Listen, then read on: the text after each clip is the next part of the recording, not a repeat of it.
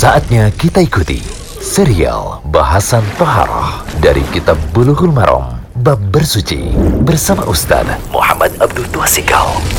Alhamdulillah, salatu wassalamu ala rasulillah wa ala alihi wa sahbihi wasallam. Kali ini kita masuk ke audio ke-24 dari pembahasan kita Bulughul Maram, Kitab Toharoh tentang wudhu.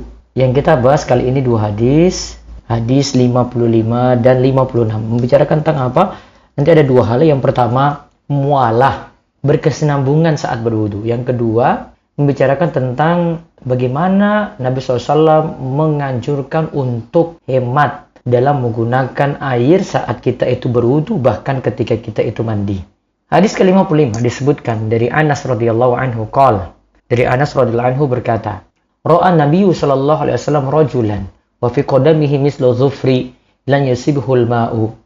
Nabi SAW melihat seorang laki-laki yang pada telapak kakinya, ya, ini terutama pengertiannya adalah fi qadamihi, ini pada tumit kakinya, karena disebutkan kodam itu konteks ini adalah bagian kaki belakang, yaitu kita sebut tumit. Tumit kakinya ada bagian sebesar zufur, sebesar kuku lam yusibhul ma yang belum terkena air. Maka beliau bersabda ketika itu, faqal irji fa ahsin wudu'aka.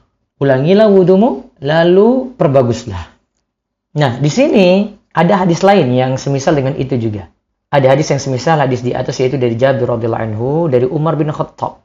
Ia berkata, "Ana rajulan tawaddu'a fataraka mawdi al-dhufurin." Jadi dibaca itu zufur.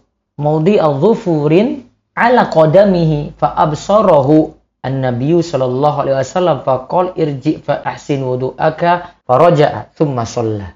Ada seorang yang berwudu dan meninggalkan membasuh bagian sebesar kuku di tumit kakinya.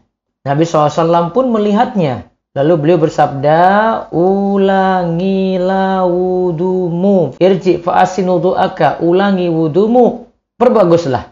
Maka ia pun mengulanginya, kemudian sholat. Hadis ini diriwayatkan oleh Imam Muslim dan Abu Daud. Juga ada hadis dari Khalid bin Ma'dan. Dari sebagian sahabat Nabi Shallallahu Alaihi Wasallam, anak Rasulullah Shallallahu Alaihi Wasallam, ro'a rojulan yusolli wa fi dhahri qadami lum'atun qadrut dirham lam yusibhal ma'u fa amarahu Rasulullah sallallahu alaihi wasallam ayu idal wudu'a Rasulullah SAW melihat seseorang di tumit kakinya ada bintik-bintik. Lum'a itu bintik-bintik. Tidak terkena air bagian itu. Maka Rasulullah SAW memerintahkan kepadanya untuk mengulangi wudhu. Nah, di sini yang kedua nih hadis riwayat Ahmad. Hadisnya itu sahih dilihat dari jalur lainnya atau kita sebut sahih li ghairi. Kesimpulannya, hadis ini menunjukkan bahwa wajibnya membasuh bagian anggota wudhu secara menyeluruh. Jika ada yang meninggalkan satu bagian saja, walau sedikit, wudhunya tidaklah sah. Dia tinggalkan satu bagian saja, walau sedikit, wudhunya tidaklah sah. Yang kedua, wajib menghilangkan sesuatu yang menghalangi masuknya air pada kulit, sehingga bersuci jadi tidak sempurna. Ya, mungkin ada tip X, mungkin ada cat, mungkin bisa jadi kutek juga yang bahannya menghalangi air masuk. Nah, itu harus dihindari, harus dihilangkan ketika mau berwudhu. Yang ketiga, hadis ini menunjukkan perintah untuk mualah. Mualah itu artinya tatabu, yakni berkesinambungan. Tidak ada jeda antara anggota wudhu yang membuat anggota wudhu yang telah dibasuh menjadi kering dengan standar waktu normal.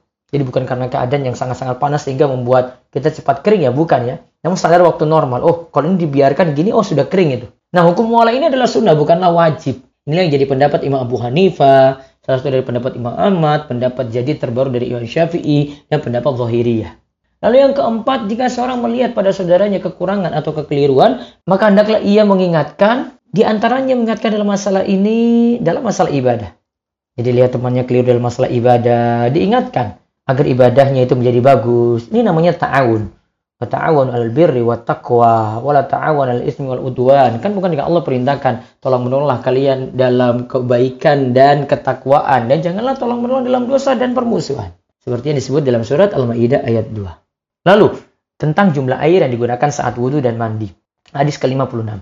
Wa anhu qala kana Rasulullah sallallahu alaihi wasallam yatawaddu bil mud wa yaktasilu bis sa' ila khamsati amdad muttafaqun alaih. Diriwayatkan pula dari Anas radhiyallahu anhu. Dikatakan pula karena hadis sebelumnya itu dari Anas juga ya. Beliau berkata, Rasulullah Shallallahu alaihi wasallam berwudu dengan satu mut air.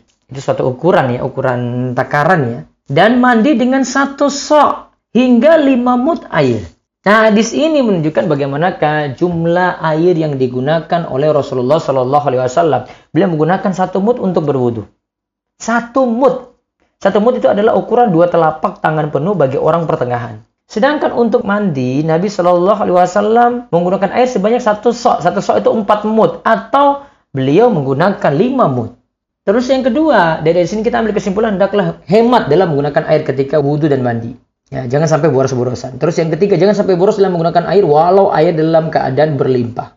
Yang keempat, ukuran air yang disebutkan dalam hadis adalah ukuran pendekatan. Bukan kita dibatasi menggunakan air hanya segitu. Karena kebutuhan orang memakai air tentu saja berbeda-beda. Semoga jadi ilmu yang manfaat.